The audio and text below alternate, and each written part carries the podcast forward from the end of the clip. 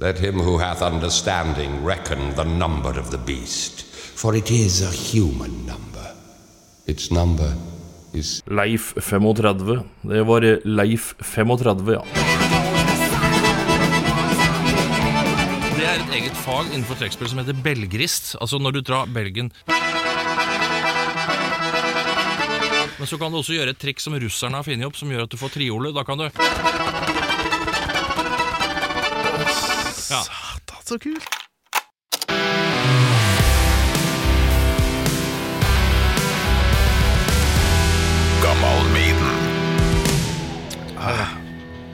Så det er ikke noen sånn kaffemann?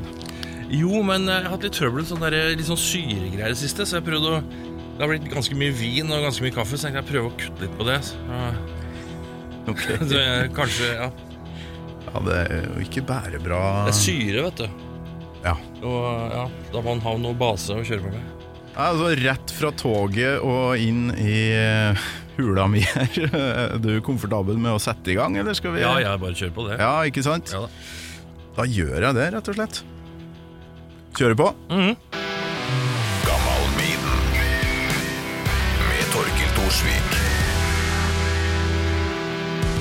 Stian Karstensen, velkommen til Gammal Maiden. Dette er en stor ære. Likeså. Det er ikke så ofte jeg blir invitert i programmer som befatter seg med hard, hardrock og heavy metal. Nei, det er første gangen? Det, Ja, ja.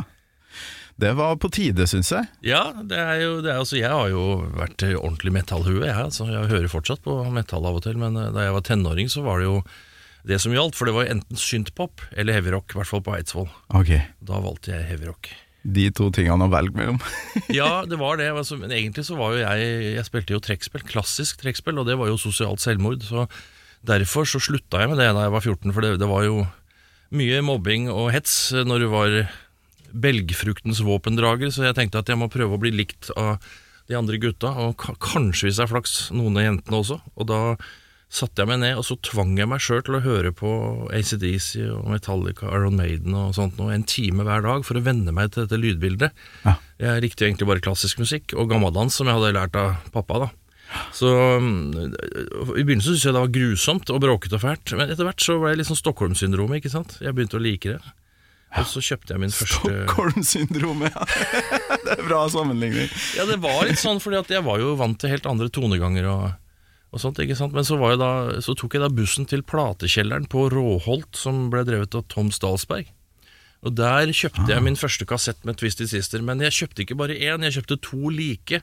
Fordi min far hadde fått tak i en Sharp kassettspiller fra Libanon. Han jobba på Gardermoen eh, militære flystasjon. Og da ble det jo my mye elektronikksmugling i cockpit av jagerpiloter og sånt noe. To Stay Hungry, da? Ja, eller? to Stay Hungry som jeg satte på samtidig for å få en sånn, sånn stereoeffekt. ikke sant? For den ene gikk litt fortere enn den andre. Så når de begynte å rusle fra hverandre, så ble det sånn ekstrem stereo. Og så måtte jeg spole bitte litt tilbake for å synke igjen. Så sånn satt jeg på rommet. Å, helt nydelig. Beklager at jeg surrer litt rundt her, for jeg glemte å slå på kamera. Jeg bruker å lage sånne promogreier, så jeg skal slå på det Ja. siste her òg. Det er helt greit. Skal vi se. Lurer på om den knappen der. Hvor var vi? Hvor var vi? Jeg må, før vi kommer videre her, Ja. eh, gratulere deg med Nordisk råds musikkpris, for den beskjeden fikk du nå, eller? Ja, altså Det er nominasjon, så jeg har ikke fått prisen, men det er eh, det er, det er jo nominasjon, og så er det vel, ja. så er det, det har vel folk som holder på med musikk i alle nordiske land, som er nominert, da. Og vi må jo da fortelle dem som hører på her, at du Jeg møtte jo musikken din ganske tidlig, egentlig, fordi jeg drev og spilte saksofon på 90-tallet og digga Farmers Market. og du har spilt med rubbel og bit. Det ligger vel halvparten kanskje på Wikipedia av de albumene du er med på.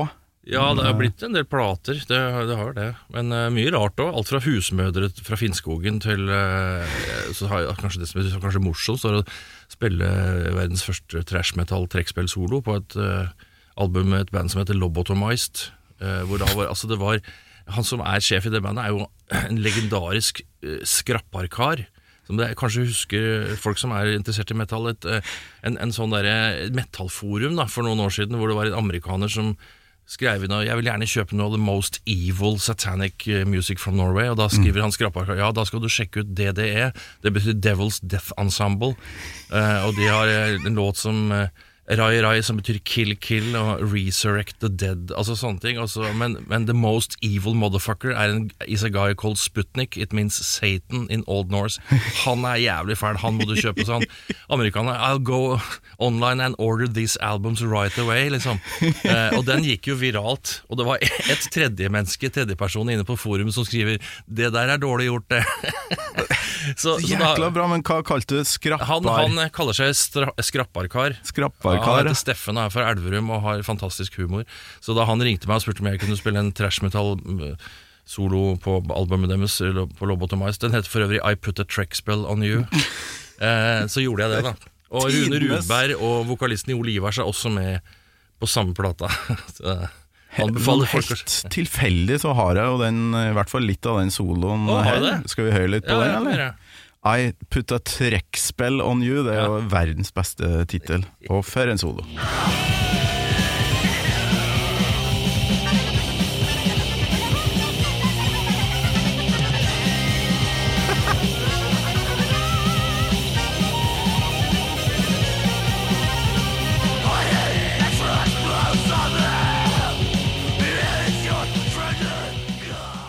Du fikk bare oppdrag å ja, Legg på noe greier, da, eller? Ja, jeg gjorde det. Så fikk jeg en kassett. Eller det var vel pil, da, den gangen. Fy flate, det er jo helt vilt bra. Og um, ja, vi må jo innom uh, flere ting her, men du ba meg vel spesifikt om å lage en snutt fra ei Farmers Market-låt, Gankino Horo. Ja, det var, vi var jo i studio i tre uker i 1997, sommeren i Fagerborg studio. Eh, da jobba vi døgnet rundt. Vi hadde to lydteknikere som gikk på skift. Ja. Eh, mens vi, vi jobba og fikk røs der og holdt på ustoppelig. Og da spilte vi inn en, en, en trash metal-versjon av en bulgarsk folkemelodi som heter Ganki Nohoro. Som egentlig bare betyr eh, Gankas dans, da, som går i 11-16-del. Eh, vi kan jo høre litt av den, kanskje. Ja, vest skal vi gjøre det. Det er bra intro.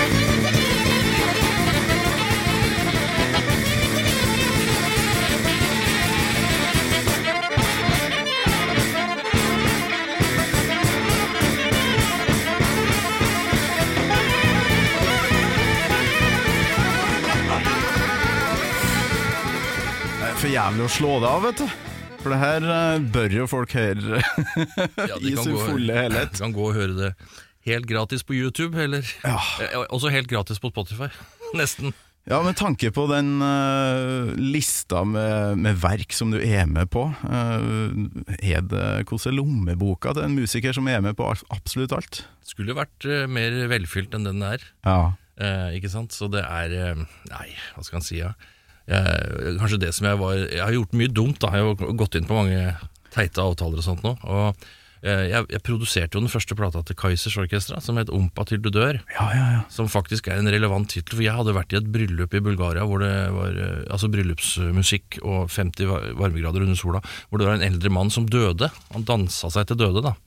I bryllupet. I bryllupet, ja. Han drakk eh, hjemmebrent og spiste rå løk, sånn som de spiser epler i Norge. ikke sant? Det er det de gjør der nede, da. Eh, Det har vel noe, er sånn potensrelatert, dette med den løken og brennevinet. Og så, så døde han, og så ble han båret bort på et kjølelager hvor det, og lagt inn der. Og så var det et pause på et kvarter i bandet, og så, så var det på'n igjen. Så det var liksom um, det satt du og spilte, eller? Ja, jeg var med og spilte, ja. Jeg, så- jeg så at han tok kvelden. Eh, sånn var det. Men Jeg hørte ja, deg snakke om de her bryllupene nede i Bulgaria før, og det høres ut som de, de holdt på til de stup. Og Ja, ja, her det- det gjorde de jo det. det faktisk på ordentlig. Ja, det er helt, helt riktig. Så, men det som var greia da med disse avtalene som jeg har gått inn på, var jo at da jeg produserte den plata, så hadde jeg vel eh, 1500 kroner dagen eller noe sånt nå, og så tenkte jeg at eh, hvem, hvem er det som skal høre på den musikken der? Gjærdialekt og tønner, dette kommer jo ikke til å selge mer enn 50 eksemplarer, og så solgte det 180 000.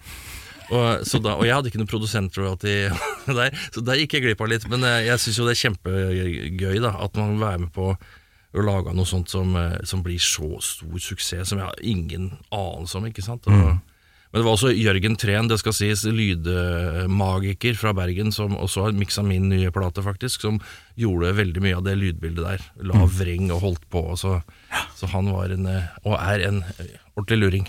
Ja visst. Men uh, det jeg egentlig skulle begynne med her, som uh, vi har hoppa helt over, er jo den siste musikkvideoen din. da, det, Der du er Stian Karstensen. Det er ikke noe band, det er bare du, og den heter Hippocampus Serenade. Og vi må høre litt på den òg, Ja. men vi må snakke om den musikkvideoen, så jeg bare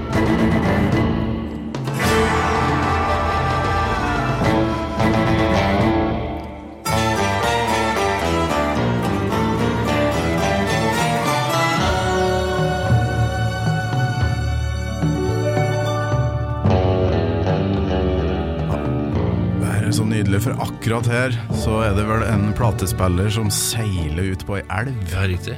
På noe sånn flytende gress, og det, Ja, de det. bildene her er jo helt fantastisk. Ja, altså Jeg har jo aldri vært et visuelt eh, menneske. Jeg har alltid vært opptatt av det du hører. Og så var det Amund Mårud som jeg snakka om. Så, hva skal jeg, jeg skal lage en ny plate, og sånn, så hva skal jeg gjøre for litt bless? Lag en video, sa han. Ja. Og så tenkte jeg ja vel, ok. Og så, og så bare film deg sjøl i hagen, eller gå i skauen, eller noe sånt.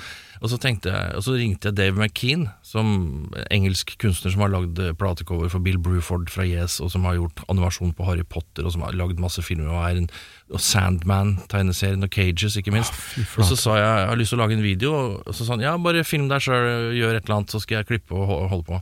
Og så fikk jeg da tromma sammen en gjeng med Lars Elling, som er kunstmaler, og Erik Hannemann, som blant annet eh, lagde film som heter Altså historien om eh, Vannet på Nilen, som var en NRK-serie, og som har gjort masse bra ting, og Ingvild Eiring, som er kunstner. Også, og Simon Dancaster, da, som, som lever av å skrive tekster for Abbat, blant annet. Nei. En kamerat av meg fra Eidsvoll som er født i Brighton.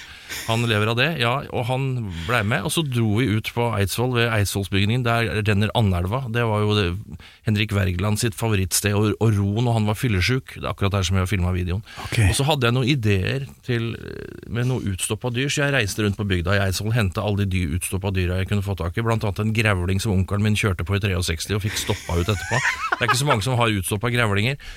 Eh, og så sinkebaljer, og så hadde jeg en idé om at de skulle snurre rundt mens de rant nedover strømmen i elva. Så skulle jeg sitte i en bellybåt, sånn som du fisker med flue fra. Så jeg har en kamerat på Eidsvoll som har en bellybåt. Så kjøpte Det jeg bruker, ja. kamuflasjenett og la på den, så jeg satt jo med halve legemet under vann i november en, en, i tolv timer. Eh, Og det er noe av det vakreste jeg har sett på Ja, lang, lang tid. Men, og du har fått uh, veldig mye tilbakemeldinger, har jeg sett Ja. på sosiale medier. Uh, Ja. Det har jo bare rusla godt til deg. Men du kjenner alle de folkene der som du inviterte med, eller? Ja, det var det Dave McKinson sa. sa, Are these your friends? liksom? Uh, Ja, these are my friends. Så jeg, jeg er så heldig. Jeg har så utrolig gode venner som er så enestående kunstnere også. da. Og så Det var en dugnad, så vi improviserte alt. Og så sendte vi en grovklipp til Dave, og så har han an, animasjon på klippet, da, som har satt sitt preg på det. Men det var ren og skjær improvisasjon, ja. Ja. Eh, d- Ja, Idédugnad, da. Og der øh, Ja, det er jo helt vilt. Sandman er jo noe jeg har vokst opp med, Ja. den tegneserien her. Og hvis noen har jobba med Harry Potter, så høres det ut som en kar som har øh, vært i bransjen en stund. Ja, og så er han låtskriver og pianist også. Han er veldig begavet type og veldig hyggelig. Og, Jeg hadde jo ingen penger da jeg ringte han, så jeg spurte du, hva skal du ha for å gjøre det coveret. Så det viktigste er at det blir bra. Så han, det, hvis du ikke har noe, så trenger du ikke å betale noe. Så han gjorde det. Jeg har gitt ham litt penger, men eh, mye mindre enn det det er verdt. da Ja, for det koster veldig mye, og musikere har jo ikke penger. Så det at det blir musikkvideoer er jo mye på grunn av sånn goodwill-faktor. Det det. Men i, i det videoen så sitter du i en rullestol og blir kjørt inn i et sånn nydelig bygg. Det er vel på Eidsvoll, det Det òg? er Mathisen Eidsvollverk, som for øvrig har 350-årsjubileum som firma i år. Skal ah, ja. markeres i august. Med, jeg skal være med på noen konserter og sånt nå. Fantastisk hjørnesteinsbedrift i Eidsvoll som har Ingen har noe negativt å si om på 350 år, og det er ganske bra. Så det er enestående, så vi fikk lov til å slippe inn i, i godset der. eh, Og, så, som det ble en slags sånne, noen sånne sanatoriumsscener, da. Ja, for der kommer du Jeg syns faktisk du ligner litt på Vincent Churchill med den Ja. der hatten der. Har du Ja, jeg, jeg så også til min forskrekkelse at jeg ser jo Jeg, jeg ser så gammel ut. Eh, ja, Det er, så, det, Er det ikke gjort noen ting? Er det ikke noe sminke eller noe? Nei, jeg er redd at det ikke er det, nei. Nei, men du ser jo ikke så gammel ut her eh, over Nei, bordet. Jeg veit det, men du skjønner at jeg har jo vært på en ruskete rundtur i de mentale, mentale katakomber og vært innlagt på lukteavdeling og sånt. Så jeg, da jeg spilte inn den videoen, så tenkte jeg hvordan, hvordan så ansiktet ditt ut da du var Da hadde det helt jævlig og var så på bånn som det går an å komme. Ja, sånn ja, Så tenkte jeg meg, så forestilte jeg meg åssen det var, og så bare gikk jeg i karakter.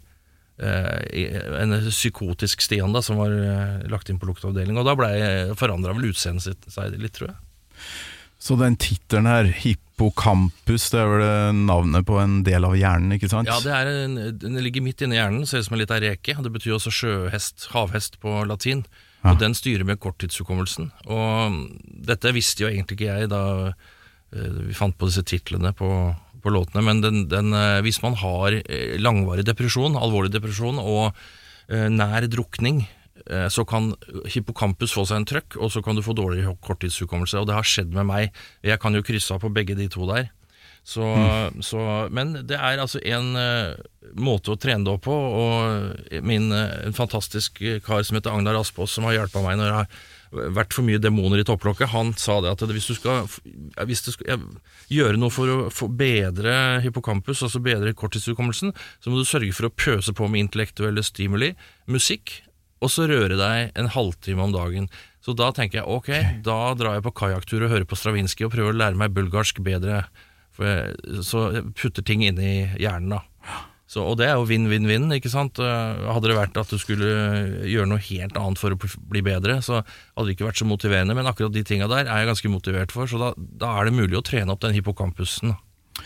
Men da uh, syns jeg nesten vi, vi må trykke bitte litt på bremsen her, for blir jo nysgjerrig hvis du er komfortabel med å s- uh, om det her. Eh, Norges uh, desidert største instrumentalist, humorist ikke minst. Du er jækla artig hver gang jeg ser deg, og uh, spiller fletta av alle sammen. Og så har du hatt Du har vært helt nedi dørken. Ja, jeg har det, og det skjedde i 2017, og da var jeg jeg så langt ned som du kan komme, liksom, og suicidal og alt dette der. Eh, men det som var litt uheldig sammentreff, var at det, det sammenfalt også med en hjernebetennelse. Så jeg fikk betennelse i hjernen samtidig som jeg var på helt nedkjørt psykisk. Så jeg holdt jo på å daue av det også. Ja.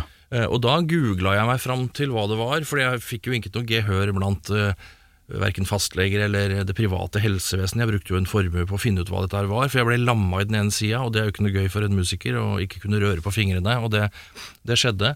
Så det gikk ganske lang tid, men jeg greide å finne ut av det, og da jeg fikk medisiner for dette her, så ble jeg frisk på to og en halv uke og har ikke vært syk siden. Nei, ser du det?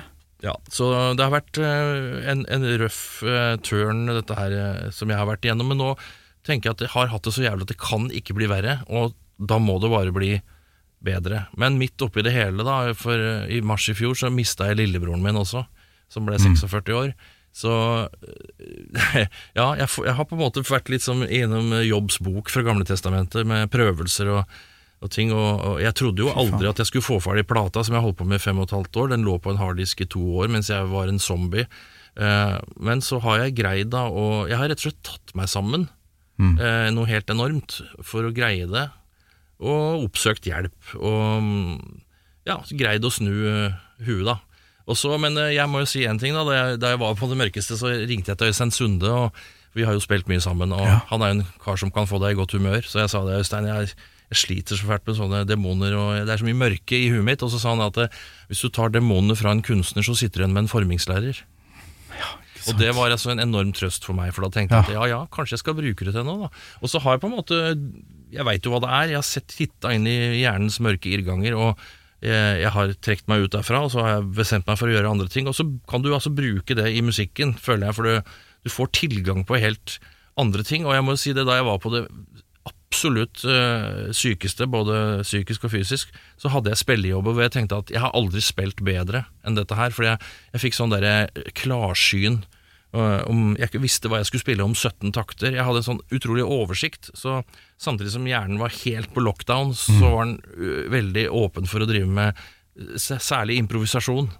Og, og dette er jo interessant, så jeg har jo, jeg har jo kjøpt meg anatomisk eh, Atlas og begynt å kikke inn i hva skjer inni hjernen. Det er jo veldig veldig interessant. da Ja, det er veldig interessant å høre for eksempel den siste låta her òg, tidligere så har jeg bare tenkt uh, og følt faen, her sitter en fyr og bare Han er besatt av Satan, og du, du spiller noe så inn i helvete fort alltid, mens her roer du deg ned, og jeg får frysninger på en helt annen måte, da, fordi du ja, Jeg vet ikke, det, spiller du alt på det her eh, verket? Nei da, jeg gjør ikke det. Jeg har jo med masse kyndige folk fra KORK i Kringkastingsorkesteret. Både harpe og stryk og, og den slags. Og Ola Kvernberg er også med, da. En, ja. en på fiolin, eller? spiller fiolin. Og, og så er det min sønn Gabriel som lærte seg å spille pauker på ti minutter. Eh, Han eh, spiller jo Han er jo gitarist, men han, eh, han, han, lærte seg å spille trommer eh, med. Eh, Altså, han hørte på Meshuggah, og så var han også på kurs med eh, noen av de gutta som har spilt i Meshuggah i Sverige flere ganger.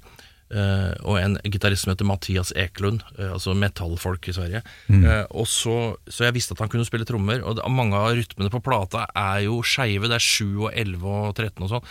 Så jeg tenkte, skal jeg ha en klassisk paukist? Nei, jeg tar med meg sønnen min, for han har lært disse rytmene fra han var ett år gammel. Han har vært i Bulgaria og sånt nå. Og så lånte vi fire pauker fra Eidsvoll Anishar tok en tilhenger og dro på ei hytte i Valdres, og gikk rundt i pysjamas en uke, og så gjorde vi alle paukeopptakene der, da. Åh, så koselig. ja, da. kjempekoselig.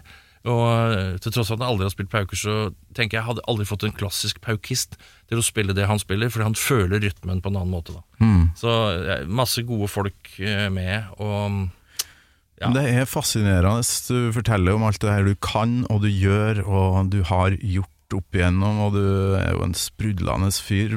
Det her med depresjon av de demonene du snakker om, er det, kan det være noe medfødt som bare ligger der, eller hva er Ja, det kan det være. Det er jo Jeg har jo fått en bipolar diagnose, da. Eh, Og da kan man jo bli meget oppstemt i perioder, for så å gå ned for krasjlanding og Ah, Ok.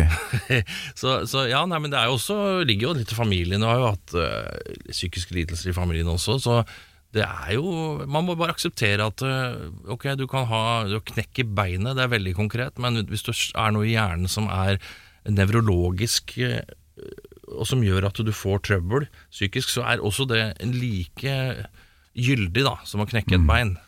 Og det har jeg liksom fornekta litt, men nå skjønner jeg at det er sånn, og da er det bare å Ok, da må du ta konsekvensen av det, ikke sant. Noen må ha medisiner resten av livet, noen går i terapi. Eh, For meg så er rennende ferskvann og musikk vært eh, redningen, stort sett. Eh, Og fordi også min familie var damvoktere fra 1854, da jernbanen kom til Eidsvoll. Da måtte man ha nok, nok vann til Skiblander som skulle frakte folk videre, og da lagde man sluser.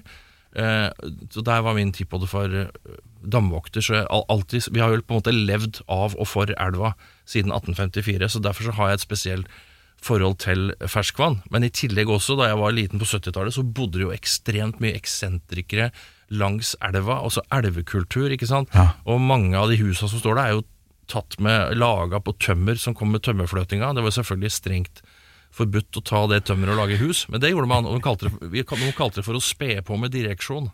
Eh, så, så langs elva så Og faren min kjente alle disse rare gærninga som bodde nede der. Det var eh, det ene og det andre. Jeg husker Da jeg var seks år, et av mine tidligste minner, da, da rodde vi inn til en eh, kar som var av reisende folk, da, som bodde langs elva, han var ganske gæren. Og han tømte et revolvermagasin rett mot oss ute i elva. Han, han traff ikke oss, men han skjøt på oss. Eh, og så sa han etterpå Nei, kom tilbake, at dette var bare lauskrutt.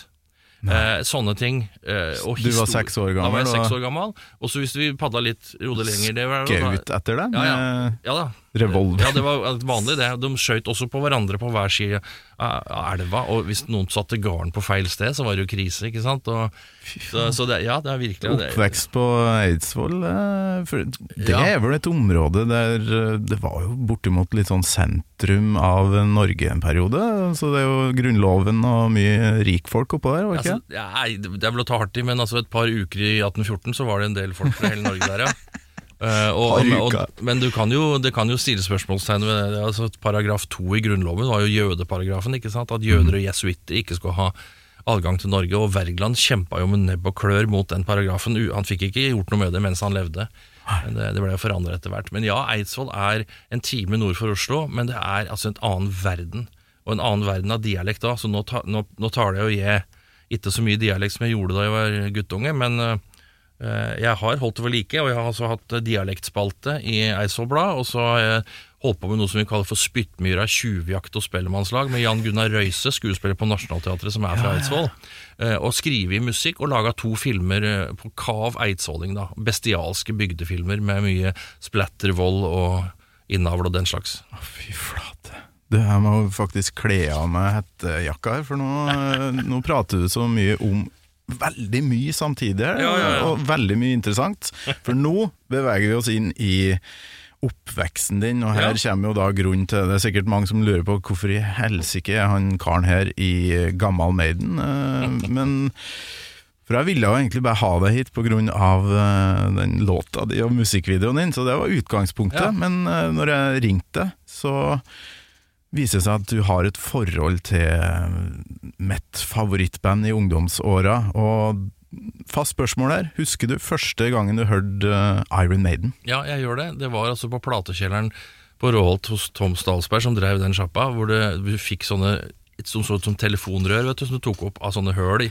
Med, med sånne krøllete ledninger på, så du satte inn tøra, så kunne du få lov å prøvelytte Ja, okay. på den plata du hadde lyst på. Og det er Stalsberg fra Dagbladet og, og lyriker og Stemmer. Ja. Det er helt riktig. Han han hadde platebutikk. Ja, han er fra Eidsvoll, og faren hans var blikkenslager, så han kjente fryktelig mange tatere òg, så vi har masse felles bekjente, da, med at jeg driver mye med tatermusikk. Ja. så Tom drev platebutikk, og der, de tror jeg, og da så jeg, tenkte jeg, den styggeste coveret, det mest skumleste, for det var jo, siden jeg fikk så mye PS for det jeg spilte trekkspill, så jeg, jeg, bare, jeg må kjøpe det verste, det mest, det tøffeste, liksom.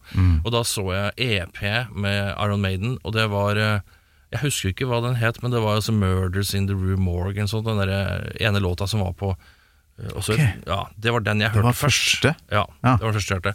Uh, og, og da kjøpte jeg den EP-en og spilte den i filler, og broren min og jeg vi lytta til dette her før vi gikk på skolen om morgenen. Vi sto opp tidlig for å høre på plater. Alice Cooper, Mötley Crüe, Iron Maiden, Deep Purple, Made in Japan og sånne ting. Ja, Så da hadde mamma og pappa reist, da kunne vi spille høyt. for ei herlig tid, Ja, fantastisk. det der, altså. Absolutt. Og så fikk jeg da altså jobb i musikkforretning som ble drevet av faren til William Christoffersen i Ole Ivars. Ok. Jan Ja, han derre Ja. låtskriveren, er Ja, ikke det? Ja. stemmer det. Stemmer. Eh, der fikk jeg meg jobb i den butikken, da var jeg 15. Og da solgte jeg altså så mange Iron Maiden-kassetter over disk som jeg det, Han solgte trekkspill, orgler og kassetter og plater. Okay. Så Enten så kom det inn en bonde med grismøkk på støvla som skulle ha torader, eller så kom det inn satadister som skulle ha noe ja, ikke sant? Så det var en veldig morsom eh, butikk da og Jeg jobba der. Og da måtte jeg også lære meg å pakke inn kassetter, så jeg, jeg kan pakke inn sånn der med sånn sløyfe og sånn. Så jeg sto og pakka inn sånne Og da kom det vel også den derre dobbel liven. Li, Life After Death, var det den het kanskje? Ja, Live After, After Death. Death, ja, ikke sant? 1985, Helt tenker riktig, jeg den ja. Det stemmer. Den solgte vi i bøtter og spann av.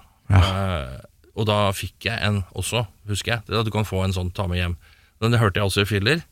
Eller så var det kanskje Powerslave som jeg hørte, mm, og Peace of Mind. De to jeg hørte mest på, som jeg også tegna coveret på, på alle skolebøkene. Men ikke nok med det, jeg tegna også den der Peace of Mind-coveret inni skapdøra mi på gutterommet.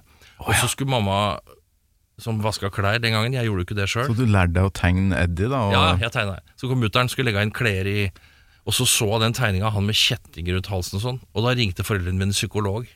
Fordi at jeg tenkte oi, det har klikka for han, han tegner så stygge ting. Ja. Han må til psykolog, så de ringte og snakka med en psykolog og sa at eh, jeg har tegna fæle ting på skapdøra. um, nå ble jeg da Ja, apropos det vi snakka om i stad, med innleggelse og full pakke. Ja, ja, ja. Så det var første tegn, det der. Nei da, men, men eh, så- så det blei ikke noe tur til psykolog den gangen, men han psykologen som de ringte, han er jo 88 nå, og han er en god venn av meg. Han er jazztrekkspiller.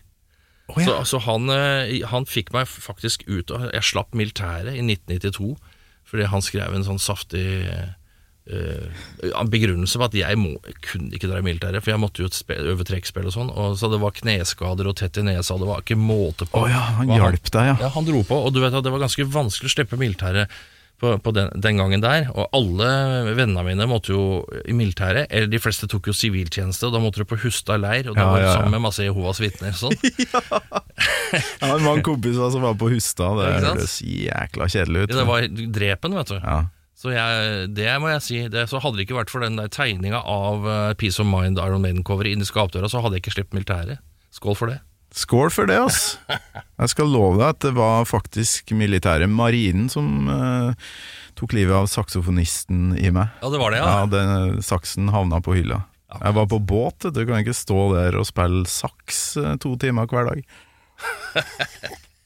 Så der er du heldig, Stian. Ja, ja.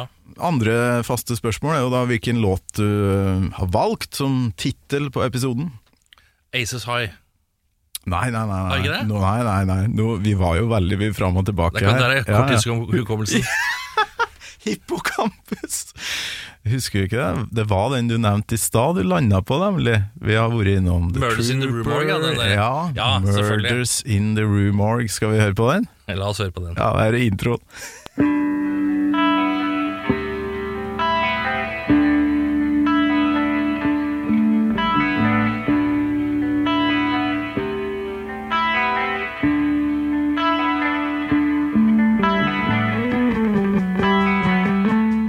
Gærent å stoppe det her, men jeg må jo dessverre gjøre. Det her er veldig artig da, at du har glemt hvilken låt vi landa på, men det var mange runder fram og tilbake her da. Ja, Det er jo en grunn til at jeg sa Aces High, da, men det kan vi jo komme, komme tilbake til. Ja, for du har laga et, et klipp til meg som du òg har sendt, Ja. som vi skal høre på etter hvert her. Men um, greia var at jeg, jeg fikk en melding av deg klokka ett-halv to på natta, akkurat uh, lagt meg. Og det, kan ikke du bare ringe meg nå? For nå er jeg liksom uh, up and going. Hva drev du på med da? For da ringte jeg og sto opp igjen og ringte. Jeg satt og tok opp stilgitar til til en plate. Stilgitar, Ja. Vi har akkurat da- lagd plate med et band som heter Music for a While, hvor vi blant annet spiller Schumann og Grieg og alt mulig rart, eh, Ravel og sånt noe. Så jeg har, eh, jeg har sittet og pønska ut hvordan jeg skal tråkke på pedalene for å greie å spille senromantisk klassisk musikk på en pedalstil, eh, og brukt mye tid på det. Da sitter jeg ofte, ofte på natterstid, for det er ingen som ringer på og sånt nå. Mm. Så måtte jeg ha en liten pause, da. Så da sendte jeg vel melding. Ja visst. Det var utrolig artig å booke inn en gjest klokka to på natta når jeg akkurat hadde lagt meg. Og, men det var jo helt konge. Og vi var fram og tilbake. Du begynte med Trooper, så var vi innom Aces High, men landa på Vi må jo høre når det tar litt av Ja, her, så kan vi snakke litt mer om låta. Det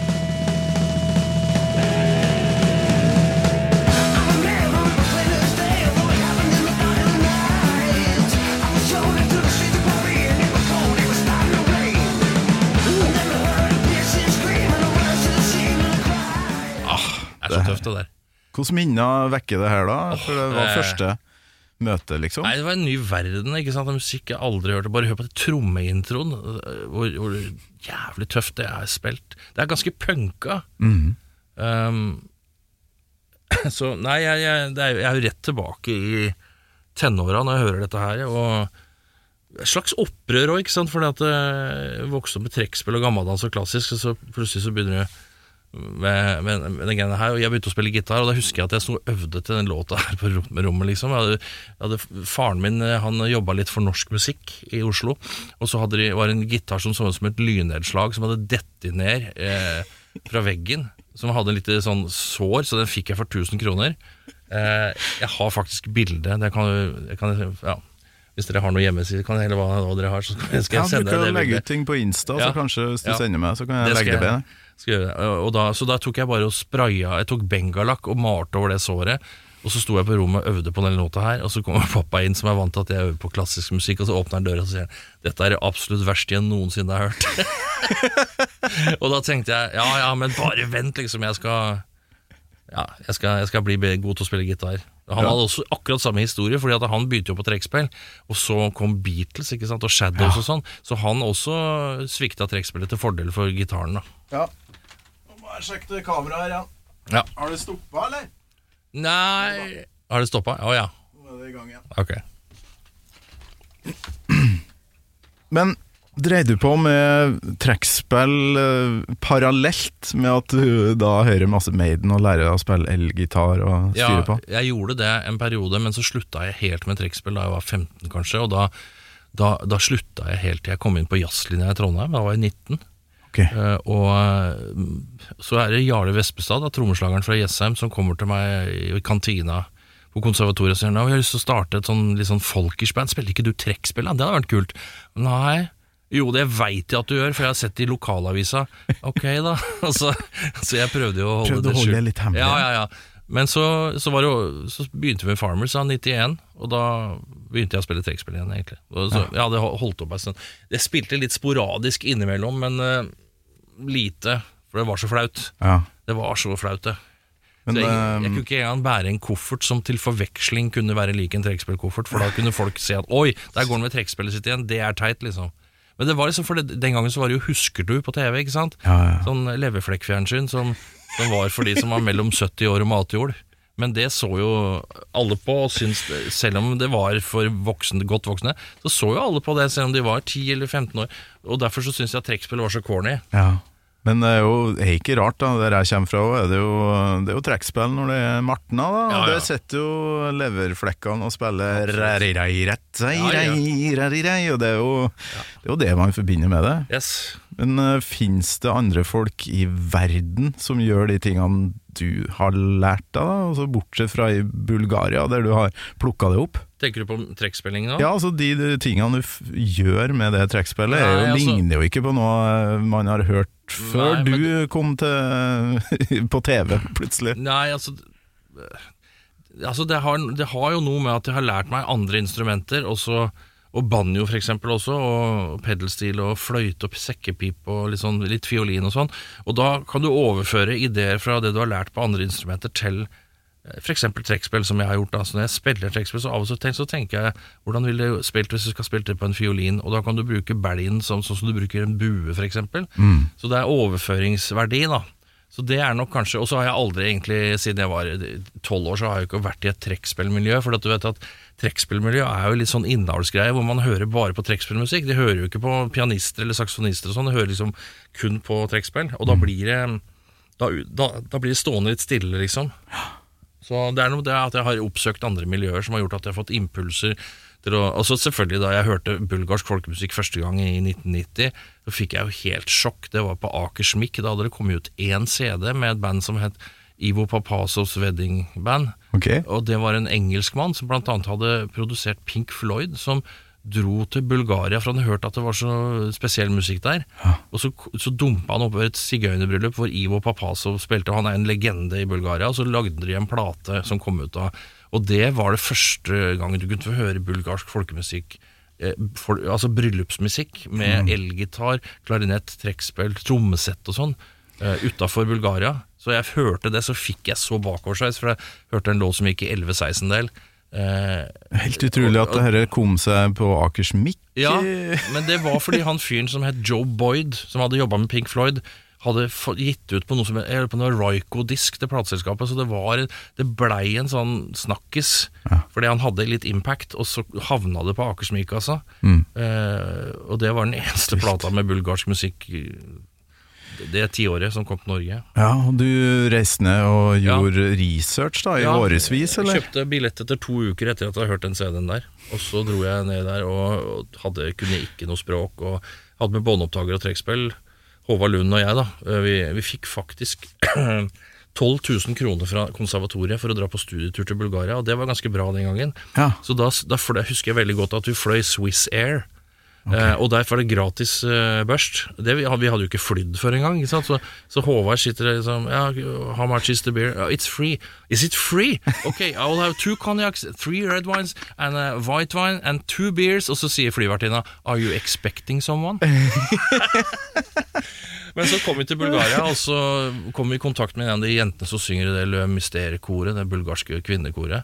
Og så satte hun oss i kontakt med folkemusikere, og så bare reiste vi rundt i en måned og traff folk. og var i bryllup og, og spilte og tok opp på kassett og var på Folkemusikkinstituttet i Sofia. Altså. Og siden har jeg jo vært der hvert år i 27 år, da. Det er jo vel anvendte 12 000 kroner, da. Ja, jeg husker at vi sendte postkort til rektor. Så skrev vi 'tusen takk for pengene, her koster en øl 75 øre'. Eh, det sendte vi. For det ble noe litt drikking rundt omkring da, Ja, i bryllupene her. Og, Det var jo så gunstige priser der nede på den tida. Ikke sant? Så det, og jeg husker at vi møtte en skoleklasse med 14-åringer. Altså, som ikke hadde noen penger. Og så hadde McDonald's akkurat åpna i Sofia. Okay. Så sa jeg 'bli med, har du vært på McDonald's før?' Liksom? Nei. Med, og der solgte de øl, så vi kjøpte øl til hele skoleklassen og McDonald's-mat, og de var veldig blide. Jeg husker også, også Det var litt sånn kultursjokk, men det, en annen ting var at jeg, jeg, jeg så en punker i Sofia, og han hadde tre buttons på seg. Det var Sex Pistols, ABBA og Iron Maiden. Da, da, da, det er så søtt at da blir du Ja, ja. øm om hjerterota, vet du. Ja, ja, men uh, jeg digger det, for øh, det var jo veldig mye sånn uniformerte folk på den tida der som bare skulle like én type ting. Mm. Uh, jeg følte meg litt sånn utafor, da, for jeg hørte jo på jazz Ja. og metal. Eh, og Farmers Market og alt det der. Men det må jo være lov, og det er jo da det skjer litt artige ting, da, når du Ja. begynner å blande de greiene her. Mm. Og apropos det, så har jo du ferske meg tatt med deg trekkspillet. Ja. Jeg ble så glad når du spurte, for jeg turte ikke å spørre på, på telefon, for det er sikkert sånn som alle spør. Sånn, kan du ta med deg trekkspillet og gjøre noe morsomt ut av det? Det er ingen, ingen som spør om det. Nei, sikkert ikke. Men skal vi høre, for du sendte meg et Aces High eh, mens du drar på deg det trekkspillet Ja, ja, ja. Skal vi høre litt på på du det Jeg du fortelle et sendte? veldig kort forhistorie der. For Ja. siden jeg, siden jeg blei så hetsa for at jeg spilte trekkspill, så hadde jeg en sånn drøm om at jeg skulle på audition og få jobb i Iron Maiden. Så jeg så for meg Bare tenk hvis jeg står på scenen med trekkspillet mitt med, med Iron Maiden. Da skal de bare se, da! Og derfor så, så har jeg gjort det, da. Så hvordan ville det låte? Og det kan vi høre nå. Ja, det skal vi gjøre. med Det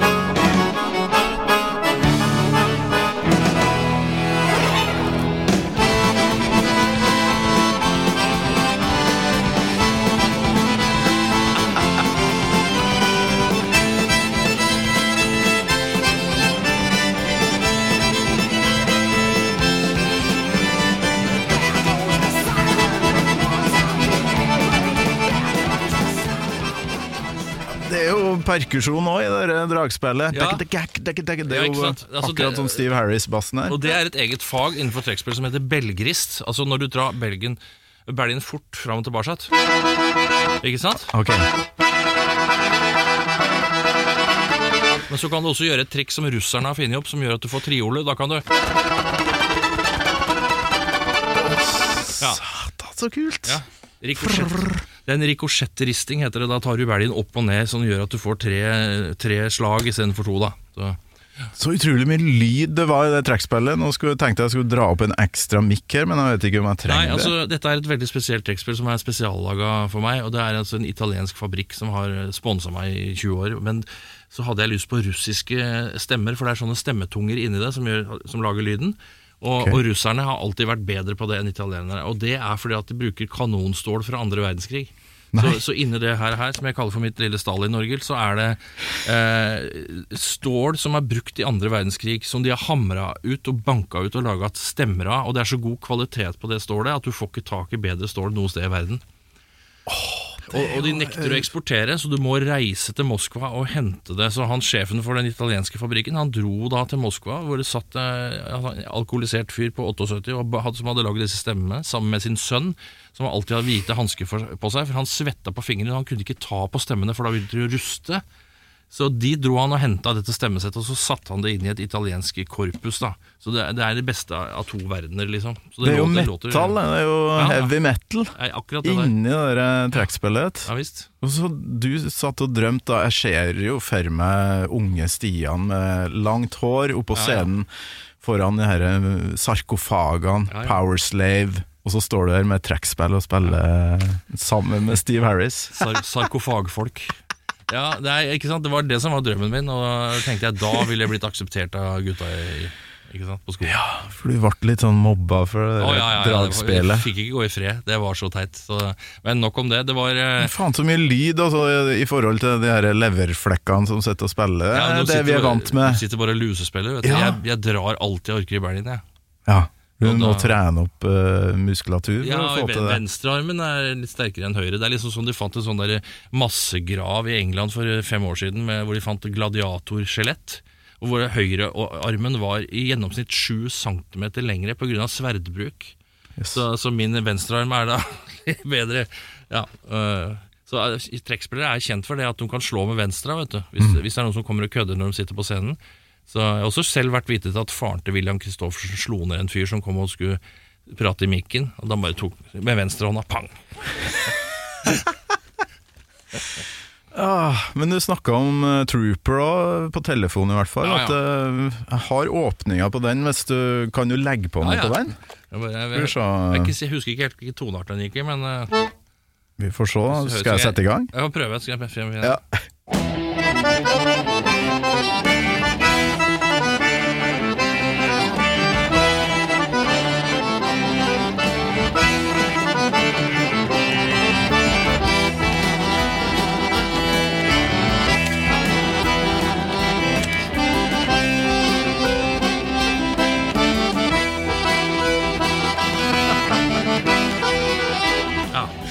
Kan jo ikke være så lenge siden du satt og kosa deg med Maiden og trackspill, eller? Nei, det er hjemme alene-kveld, så holder jeg på med det. Men hører du på Maiden fremdeles? Ja, Sånn- og så sist jeg Altså, har jo to barn som er eh, 21 og 26 nå, men i, når var det Iron Maiden var her? Var det 2008?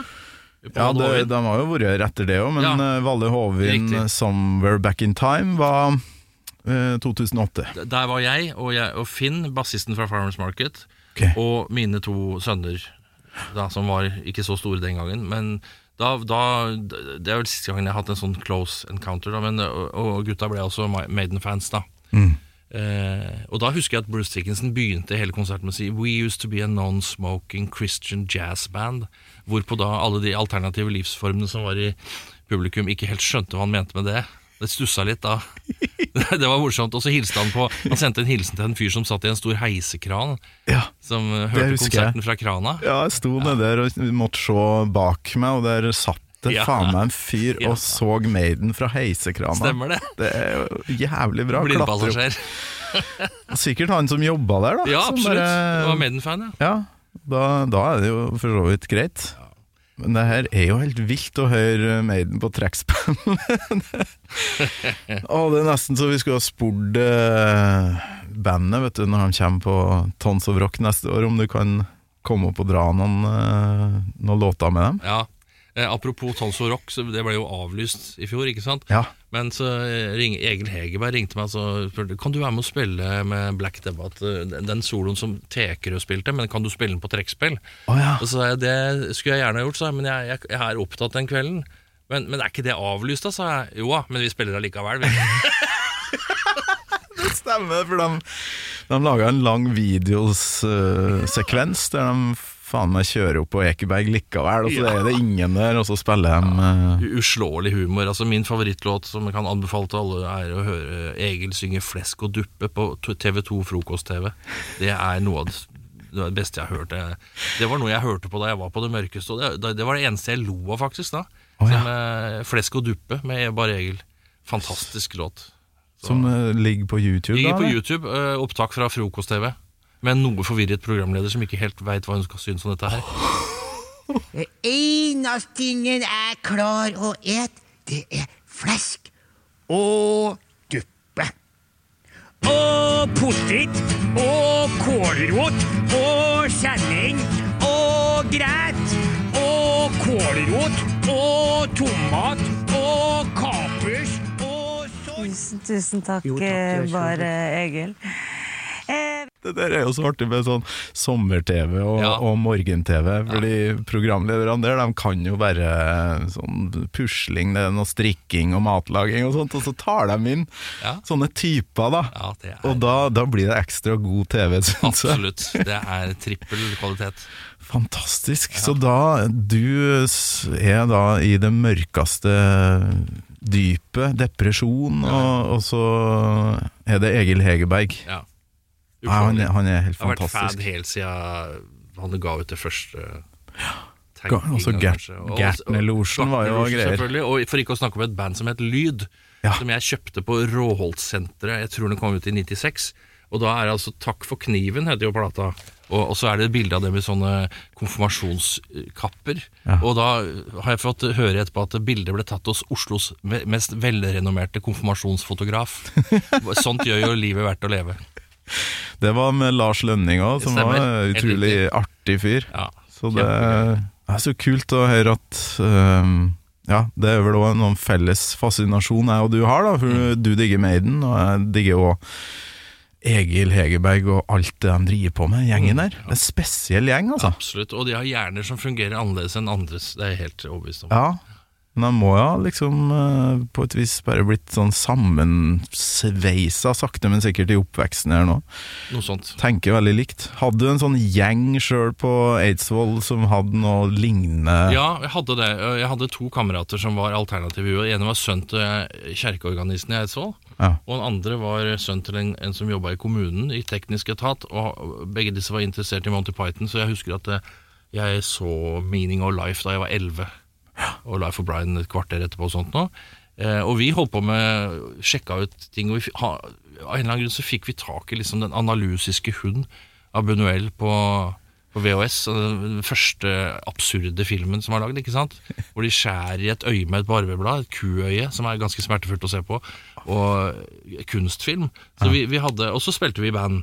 Ja. Um, og, og lagde musikk og hørte på alt fra Toy Dolls til liksom sånn underground metal med et ukjente heavyrock-band. Og så lagde vi tekster på norsk som handla om hunder og videoapparater og sånt. Og da, video Har du da noen gang tenkt um, noe over hva som ville ha skjedd hvis du har kasta dragspillet på, på bålet og blitt uh, reinspikka rocke-metallgitarist med det talentet som du har? Eh, ja, altså jeg spilte jo i metalband på Eidsvoll. Eh, et band som het Døsa Fewborn. Uh, og vi hadde en spillejobb eh, da var jeg 14, og da spilte vi Repertoaret var litt brokete, for det var liksom både Chuck Berry og Judas Priest. Ok, Så, så ja, nei, hva som hadde skjedd Ja, jeg Litt var jo bipolart uh, ja, band, rett og slett. Absolutt. Ja. Uh, Bipolarbrød til frokost. Uh, nei, altså, men jeg var også veldig fan av Steve Vai eh, og David Roth. Ja. så det, jeg øvde jo inn soloene til, så langt jeg greide det. da Og så fikk jeg også, siden pappa jobber for norsk musikk, så fikk jeg tak i en av de grønne Steve Vai-gitarene. Eh, Ibanez, som var signert av Steve Vai. Oi, oi, oi. Eh, så det var jo veldig stas. Og det, Ja, som en kuriosa-opplysning så kan jeg jo si det at i 1988 så spilte jeg i min eh, Jeg spilte i et bryllup, og hun som gifta seg, ble senere min kone. Så jeg spilte i min oh, ja. wife to bees bryllup, da. Jeg er skilt nå, da, men Men det, med den grønne Var det hun som gifta seg? Ja, Nei, jo da. du spilte Jeg spilte, spilte Cavatina, Hjortejegeren, på grønn gitar. Og så husker jeg veldig godt han som spiller keyboard. Han kunne ikke spille i S-dur, for låta gikk i S-dur. Ja. Og så hadde han sånn transpose-knapp på keyboardet, så han begynte Ikke sant? Men så hørte jeg at oi, dette er jo D-dur, vi skal jo så, så da begynte han sånn, ikke sant. Pst, det- du må ta på knappen, og så altså, Sånn. Så det, så, dette fins på VHS-kassett, uh, dessverre. Åh, hvor lenge var hun gift da, før du Et år. tok Ett år, ja. Da var det Stian sin tur. Men utrolig fascinerende. Så da Altså, Steve Vai, den der perioden han spilte med ja, Eat Them and Smile, er det den heter? Den Det- der det var- kassetten med David Lee Roth der. Ja, det er kanskje den kuleste, men så Faen kom også soloer ja, eh, helt, der. helt insane. Og så kom Skyscraper i 87, og da var jeg og, jeg og faktisk Det er før jeg ble kjent med Finn, men han var også der, Guttormsen, som spiller bass i Farmers. Vi var 5. desember 1988, så var vi og hørte David Roth i Skedsmohallen. Ok. Da husker jeg så Marius Müller, og da oh, wow, ble nesten starstruck av det enn å se Steve Vai. Men Ja, ja. det, det var kjempemorsom konsert, da. ja, fy flate. Så ja, ja og så, så jeg var veldig interessert i den der stilen han drev med. Og så kjøpte jeg Guitar Player Magazine, for det hadde de jo på, på Narvesen i Eidsvoll. Og der var det sånn unge talenter hver, eh, hver, hver utgave, liksom. Mike Warney presenterer. Og da var det en fyr som hadde en gitar som så ut som en sveitserost. Og så sto det at han var inspirert av Steve Vai, så da skrev jeg brev til han. Og så begynte vi å brevveksle, og så sendte jeg kassetter med speed-trekkspill. Jeg husker jeg spilte en låt som gikk sånn tostemt, og så sendte jeg til han, og da sendte han meg sånt ting tilbake som var sånn Sånne greier. Og så, dette var i 89, plutselig så, for noen år siden så ser jeg jøss, han har jo begynt å spille gitar i Guns N' Roses. Han fyren der. Han heter Ron, han heter Ron Thal. Eh, egentlig Ronald Blumenthal, men han kaller seg Ron Thal. Og så spilte han i Guns N' Roses, og så var jeg på tur til New York med sønnen min. Og, så, og sønnen min var fan av han fyren der, uten Ja. at jeg hadde Så sa jeg jeg har skre, håndskrevne brev i skuffen, så jeg hadde tatt vare på. Så sønnen min, så kult. Liksom, så så vi en avis at det var en konsert på The Docklands, da, det er liksom ved havna. Så vi tok drosje i én time og et kvarter, så kom vi dit, og der spilte han med et sånn lokalt band. Nei, Så gikk jeg bort og tappa han på skuldra, dette er jo fem år siden. Da hadde jeg så sa jeg, har du, har du god hukommelse? Ja. Husker du at du skrev brev med en nordmann i 89? Ja, det er meg. Oi, så hyggelig. Kom inn og få en øl og greier. Så da hørte vi eh, sånn rockejam med han, da. Og han, spil, han spilte i Guns N' Roses da. Jeg vet ikke om han er med der nå lenger, men eh, ja, han blei sånn steinrik på det. da Så har han sin egen signaturgitar og alt sånt som han Ja, ja, ja. sånne har. ikke sant Så er, det er mye sånne rare tilfeldigheter, da. Ja, det er veldig mye tilfeldigheter. Jeg har et klipp her som jeg fant på YouTube. Det, det her er sikkert bootleg, så jeg må bare beklage at jeg spiller an noe som sikkert er ulovlig her, men det er Stian Karstensen og um, mitt største idol da jeg var 16-17 år gammel, Mike Patten. Hør på her.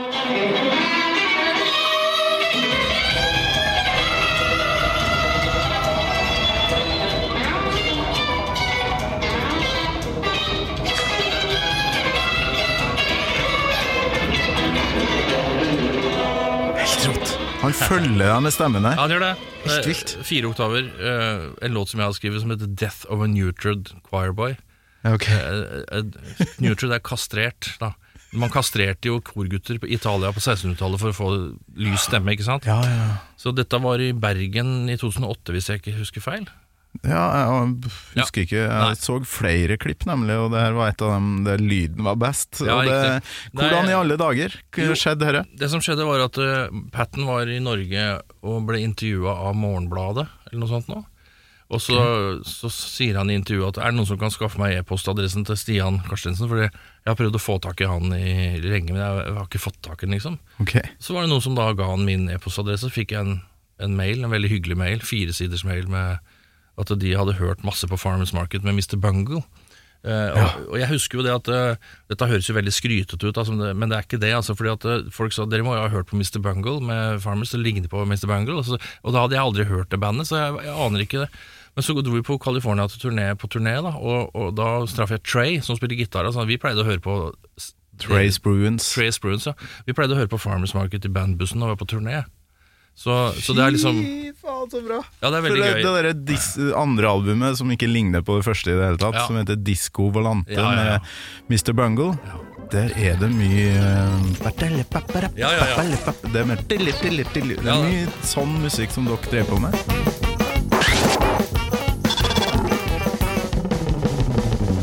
Det er liksom, liksom Det er liksom en blanding av metal og easy listening, det der. Og så er det jo så kult at Mike Patten han, han gjør jo mye sånne instrumentalaktige ting med stemmen. Så, men så ble jeg kjent med Mike, og så, så ga vi ut en Farmers-plate på, på Ipecac, selskapet hans. Og Ipecac er jo en sånn en, natu, en rot som gjør at du kaster opp brekkmiddel. For han er jo oppkastfetisjist, Mike. vet du Han har jo trøbbel med den der refluxmuskelen, så han, er, han har fullstendig hang-up på det å kaste opp. Okay. Så de var og spilte med Mr. Bungle i Oslo, på Rockefeller. Det var en venninne av meg som var der, og hun var så forelska i Mark Patten, for han var sånn hunk. ikke sant? Så sier han er det som, er det noen som kan komme opp og kaste opp på meg på scenen. Så kommer det opp en fyr etter hvert, da. Så kaster de opp på hverandre. Og alle damene som var helt klare for alt mulig, de blei jo de ble litt turned off av det, da. det på Rockefeller med Bungle? Ja, Kan Volante-turneen? ja. For da var det det første konserten min i Oslo. Ja, det, enten var det da, jeg veit ikke når det var, men hans, det var i hvert fall oppkast i omløp på scenen. da så, Men uansett, han er, han er en veldig trivelig kar. Og, og jeg har, har også hatt med Han var jo spilte med Tomahawk i 2013, og da inviterte jeg bandet på fisketur på Huddasjøen. Okay. Så på en søndag formiddag så kom de opp til Eidsvoll med toget, og så henta jeg dem, og så var vi ute og fiska gjedde. Ok. Fikk gjedde òg, og de hadde med seg brennevin, og så hadde jeg med fiskeutstyr. Og så kom vi utpå der det, i titida på morgenen, ikke sant. Og, og Hudasjøen er jo fire mil lang, og det er jo stor sjø. Og ikke én båt, og så ser du ikke ett hus. Så gutta fikk helt noia, for de sa har det vært atomkrig her? ikke sant? Jeg kom fra San Francisco og var vant til å se folk hele tida. Ja. Ikke et menneske. Så, men så dro jeg på turné i USA, og så besøkte jeg Mike i San Francisco. Og da kan jeg fortelle en liten morsom anekdote. Som, eh, vi var først på en thai-restaurant som var veldig bra, og spiste oss gjennom faunaen fra eh, tropiske områder. Og så sa Mike vi går på bar. Ok, så gikk vi på bar. Og det var homsebar. Så jeg, å ja, er det Nei, nei, vi, i San Francisco går alle på homsebar. Liksom. Ok, helt, ikke noe problem det.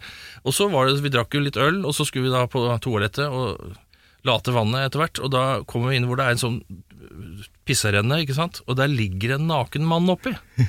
Eh, på denne homsebaren. Og jeg, jeg hadde aldri sett noe sånt nå. Og Mike var helt eh, kul på det, liksom. Og, så, så prøvde vi liksom å ikke tisse på han, da, så han lå jo oppi der. Og da ble han veldig støtt, og så reiser han liksom halvt opp og sier Hey, what's your problem? Han lå oppi Ja, for å bli tissa på. absolutt. Og det Ja. heter noe. Det heter Troughboy, som staves trau, ikke sant? Traug. T-r-a-u-g-h. Traugutt. Traugutt, og dette er jo fra vikingord, trau, som har kommet til engelsk, og som har blitt da en term innenfor det eh, smale sjiktet det er å like å ligge oppi sånne pisserenner og bli pissa på. da. Pissa du på han? Nei, jeg prøvde å unngå det. Ja, men, men, det er klart, når han ble, ble sur, så måtte vi jo bare pisse på han. da. Og du gjorde det likevel? Ja, ja. Og det her uh, Man har da empati. Fantastisk! Eh, Og det her, eh, sånne opplevelser setter jo spor da, i et vennskap, så dere er fremdeles uh, Ja, det betyr lykke og pisse i kryss, vet du. Ja, da blir det blod, sånn på, på en traugutt i Ja. tillegg. Uh, Da er det blods... Uh, Ja, Da snakker vi blodsbrødre. Så Du nevnte at han er med på da det albumet som du kommer ut med snart. Jeg fikk vokalspor fra Patten i går. I går, det låter aldeles fantastisk, og han har et fantastisk falsett, for jeg har skrevet det ganske høyt, øh, og det er Og så har det, det er, teksten er øh, han som driver og skriver, som jeg nevnte før, som skriver for Abbat. Han har skrevet en tekst øh, som handler om drenering av vannhodet. Og hvorvidt demonene blir med ut hvis du ta, tapper vann av et vannhode. Og dette er på italiensk, for Mike er jo gift med en italiensk dame, og han snakker jo flytende italiensk. Så da fikk vi en dame som heter Mia Wallace, som spiller bass i Abbat, til å oversette fra engelsk til italiensk. Og hennes mor er italiensk eh, lærer og forfatter, så det har blitt ganske sånn poetisk, da. Og så har Mike forandra på et par ord som han ville være mer komfortabel med å synge, og så fikk jeg spor i går, og det er, det er liksom det siste som sto igjen på plata, så nå blir alt blir ferdig i morgen, og cover er ferdig og alt dette her. Så veldig stas, da. Og, ah, fy og det som var ekstra stas, var at han likte Det er jo en veldig rolig låt da, som han synger på. Han, så han skrev en veldig hyggelig mail. Han hadde gjort taket. Så sa han at jeg, jeg- It brought me to tears, skrev han da. Ja. Da tenker jeg ja, det er, det er, det er en veldig hyggelig kompliment, for jeg vil jo at folk skal bli følelsesmessig berørt av, av, av musikken min. da Kanskje mer nå enn noen, noen gang før, fordi jeg har liksom vært gjennom hele skalaen sjøl. Det er jo utrolig sterkt å høre, for Mike Patten sånn utad eh, virker jo som en ganske infantil eh, person. eh, Veldig mye rar humor der. Mye tiss og bæsj og oppkast, som du sier. Oppkast, ja. Men uh, han har følelser, han, Han er tydeligvis. eh, mjuk på innsida og en veldig empatisk og hyggelig kar. Altså. Eh, Og blitt en god venn, rett og slett. Jeg snakka også med han da ting var som verst, og han har også vært igjennom mye greier og hatt selvmord i familien og vært på rehab. Og så, så du vet at hvis du først begynner å skrape litt på overflata, så har de fleste vært en avstikker et eller annet sted. Mm. Og Derfor så har jeg også blitt mye mer åpen sjøl. Jeg, liksom, jeg, jeg har ikke noe problem med å snakke om vanskelige ting. Og det er så kjedelig med den der eh, smalltalken at jeg gidder ikke mer. så da får folk take it or leave it. Altså. Jeg elsker digresjoner, avsporinger, og det er jo det vi har holdt på med hele veien her. Assosiasjonstourettes. Det, altså, det har jeg papirer på. Og sjøl om det ikke ble kjempemye 'murders in the room', Morgan, så vi, vi må nesten innom refrenget før vi hører Ja, avslutninga. For um, kan du legge på noe dragspill, eh, eller trekkspill? Ja, jeg kan Kan du putte trekkspill on uh, this one?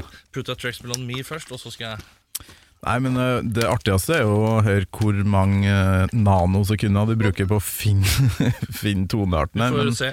Ja, vi kjører på og hører hvordan det går.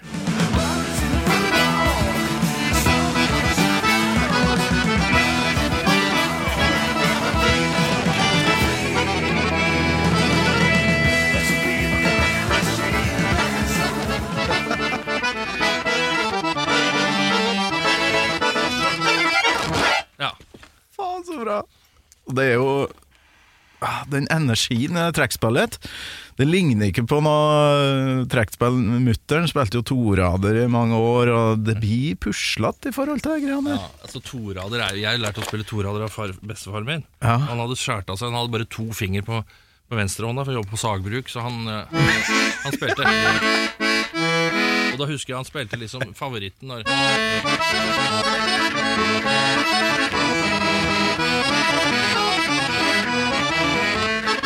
Ikke sant? Ja. Det er toradesoundet, for det er jo to, det er som en munnspill. Ut, innpust og utpust. To tonearter. Ferdig med det. Ja.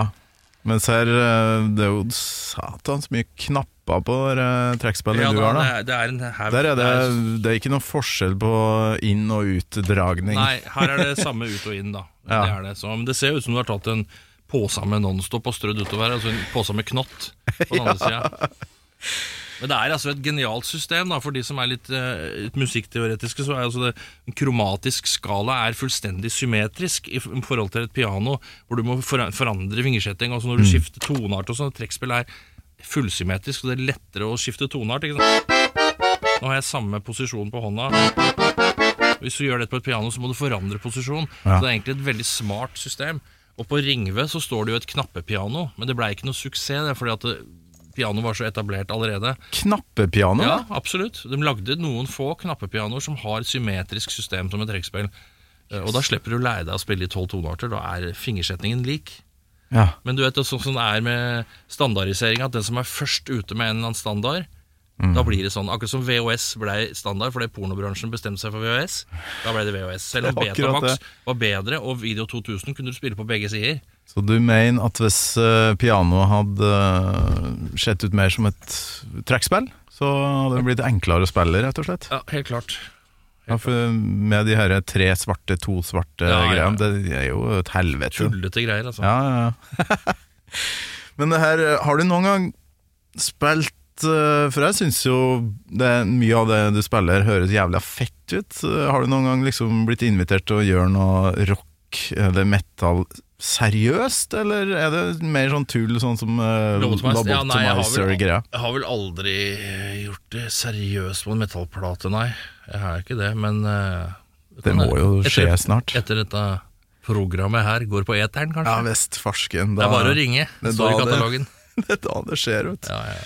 Så hva skjer nå da, Stian? For nå kommer eh, albumet, inkludert den her eh, Hippocampus Serenade. Er det i, liksom i den banen resten av albumet òg? Ikke bare. Det er eh, en del ting som er annerledes her. Hele plata begynner med sekkepipe og trommer. Som er på en måte den eldste formen for Altså, den eldste formen for instrumentalmusikk er jo eh, en hylende sekkepipe eller en sånn sorna, sånn nasal fløyte og trommer. Dette her er jo akkurat som i Skottland. Sekkepipe og trommer. De bruk, brukte det da de gikk til krig, for å skremme fienden. Akkurat som tyrkerne brukte det samme da de gikk til krig. Da brukte de sorna og en sånn svær tromme. Eh, Så jeg har også med en, en, en tyrkisk krigsmarsj på plata, men med alternativ instrumentering, med baritongitar og pedelstil og stryk og litt sånt noe. Så er det leirgjøker har jeg brukt en del av på en del av låtene. eh, Så, og cimbalom, som er eh, et, et ungarsk instrument som er forløperen til piano, som er en stor kasse med strenger på, hvor man slår på med klubber. Jeg har på meg en, en, en sigøyner fra Romania som spiller cimbalom på plata. Han er avsindig god til å spille. Han ble tvunget av Ceaucescu til å spille på palasset da han hadde statsbesøk av Saddam Hussein. Så han har underholdt Saddam Hussein Under tvang? under tvang, med Kalasjnikov pekende på seg, og fikk sågar også en gullklump av Saddam på størrelse med en tennisball, som Securitate, altså livgarden til eh, Ceaucescu, var og henta dagen etter. da. Ja, Så du han er- kjenner han denne fyren her, og Ja, han er med på Han neste er på plata album. mi. Johnny, Johnny Lincoln han lagde også musikk til Grand Hotel Budapest. Eh, Oi, ja, er det den ikke Jim filmen. Jarmusch, eller? Nei, hvem er det som har lagd Ja, den? det er ikke det han derre um, er ikke Anderson, han heter? Ja, det er det. Han som lager de her nydelige filmene med Ja. Bill Murray og Riktig, alle folk helt riktig. Der spiller Johnny på soundtracket, og det, ja. han er fantastisk musiker. Eh, Kommer til Norge i november, skal spille på Riksscenen sammen med han 4. november. Han er eh, utrolig musiker og har opplevd så mye. Kommer fra en sigøynerfamilie som har vært profesjonelle musikere i 300 år i Bucuresti. Fikk en uh, tennisballgullklump av uh, Saddam Saddam. Hussein, Ja. Er ikke det bra overskrift? Men hva han gjorde med det? Ble han søkkrik, eller? Nei, han, de kom jo og tok den fra han dagen etter. Så Ceaucescos folk. Så De han fikk ikke nyte godt av den, han. Bare for syns skyld, og så kommer de og tar det tilbake. Nei, Saddam ga den fra seg, Ah, og ok. mente det som et kompliment. ikke sant? Men Ceaucescos folk tok den dagen etter når Saddam hadde. Fy faen. Jeg gleder meg til å høre dette albumet. Um, det er én ting vi har glemt å høre på, det er noe annet, en sånn spleis som du sendte Ja. meg. For du, du må jo ha Tourettes på den type ting, og sånn Ja, eh, ting er, som er- ligner på hverandre. Jeg syns det er veldig gøy med låter som ligner på hverandre. Og Jeg må bare demonstrere en, en liten ting. Da jeg var eh, i 1984 på skolebussen, så hørte jeg en fyr som hadde med kassettspiller, som spilte følgende låt. Ikke sant? Og da tenkte jeg i all verden, det er, er det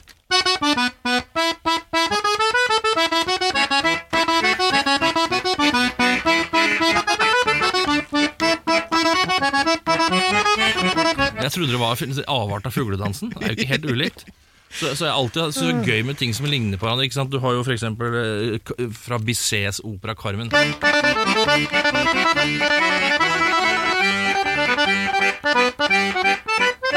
Sånne ting. Så, så Derfor så har jeg laga en liten spleis eh, som vi kan eh, lytte på, så folk kan gjette sjøl. Ja, du sendte meg det her eh, i går, faktisk.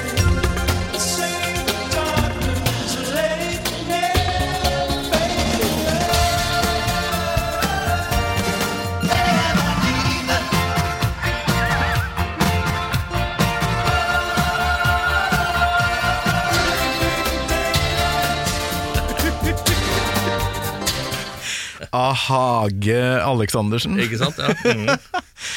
Ah, jeg har jo bodd i Namsos sjøl, så det her var nydelig å høre på. Leve av livet og a-ha. Farmers Market driver jo og lager sånne herlige popperier der dere bare går, dere svever gjennom eh, norsk og utenlandsk musikkhistorie. Ja da. eh, Vi synes, vi, første gang vi gjorde det, så var vi i Sjøvegan i Nord-Norge, og hvor, hvor det ikke skjedde noe som helst. Vi kjøpte en kasse øl, og så lagde vi potpurri. Ja. Eh, Det var det vi gjorde da. Så da begynte det som en sånn hobby, liksom. Og så, og så har det blitt en litt sånn signaturgreie, da. Helt vilt bra. Det er helt fantastisk. Når det går mot slutten av episoden, så er det bare å høre avslutninga av eh, låta du har valgt det, Ja. som vi har helt sikkert hørt for lite på, men eh, det gir jeg blaffen i. Digresjoner liker vi. Ja.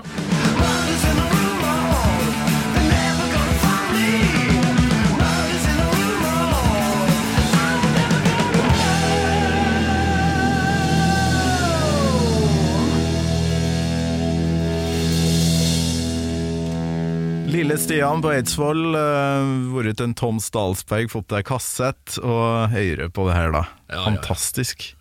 Og så ble det det det ble.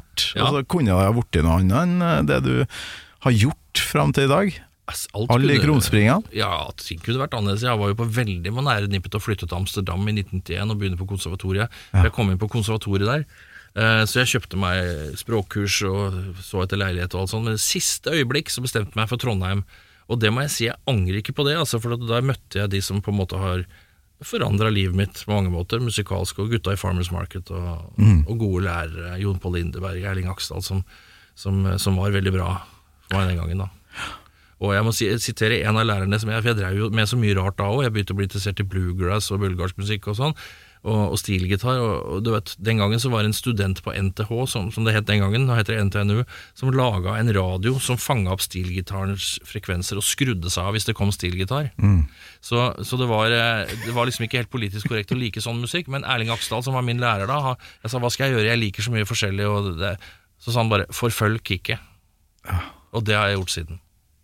Det har du faen meg gjort. Mm. Og jeg må bare si tusen hjertelig takk for eh, besøket. Samme dagen som du blir nominert til Nordisk råds musikkpris. Er ikke det ganske sjukt? Det er veldig hyggelig klaps på skuldra, altså. Ja, jeg håper det er et lite klaps eh, fra meg òg. at jeg elsker den nye låta di såpass, at jeg ville bare ha deg inn her fortest mulig. Heldigvis veldig har du faen meg hørt på Maiden nå. Absolutt. Det skal jeg love deg. Lykke til med den prisen, album og alt, eh, Stian. Takk Tusen for takk. besøket. Veldig hyggelig. Ha det godt. Gammal Maiden med Torkel Thorsvik. En podkast fra Radio Rock. Sett, det var sånn gay parade da vi var der. Vet du. Da vi var der med Lars Saabye Christensen og Tom Stalsberg og Knut Reiser og jeg. Ja. Og så havna de Jeg var ikke der, men det var en sånn parade da hvor det, det to, kom to gubber på rundt 70 som hadde knaska Viagra hele dagen med snekkeren i været. Og så hadde de i lillefingeren så dro de et bur. Og inni det buret så satt det ei naken kjerring med sånn kule, sånn krok inni ræva, sånn gagball, strappa fast. De gikk dem forbi der, og Lars Saabye han bare så sier Tom du må lese gutta, liksom, det diktet ditt. Hvor har det blitt av alle gutta? Så han står og leser det mens den ekvipasjen går forbi. Hvor har det blitt av alle gutta? Og det lå på Dagbladet i, i, i seks måneder før de tok det vekk. Det er ganske rått. Men du har jo spilt med rubbel og bit du, av dere barndoms- ungdomsheltene mine fra Bungle. Har du truffet flere av de folka der? Ja, jeg, altså Jeg er med i et band nå som heter High Castle Tail Orchestra. Som eh, blant annet Bear McKinnon, som spilte saks og klarinett i Mr. Bungle, er med. Så vi har spilt inn en låt som kan kalles for musettetrash. Altså fransk Musettetrash? Settetrash? Ja, eh, tidlig 30-tallsmusikk fra Paris blanda med black metal, eh, trash metal. Ja, ja, noe sånt. Fantastisk. Må sjekke ut det. da. Ja,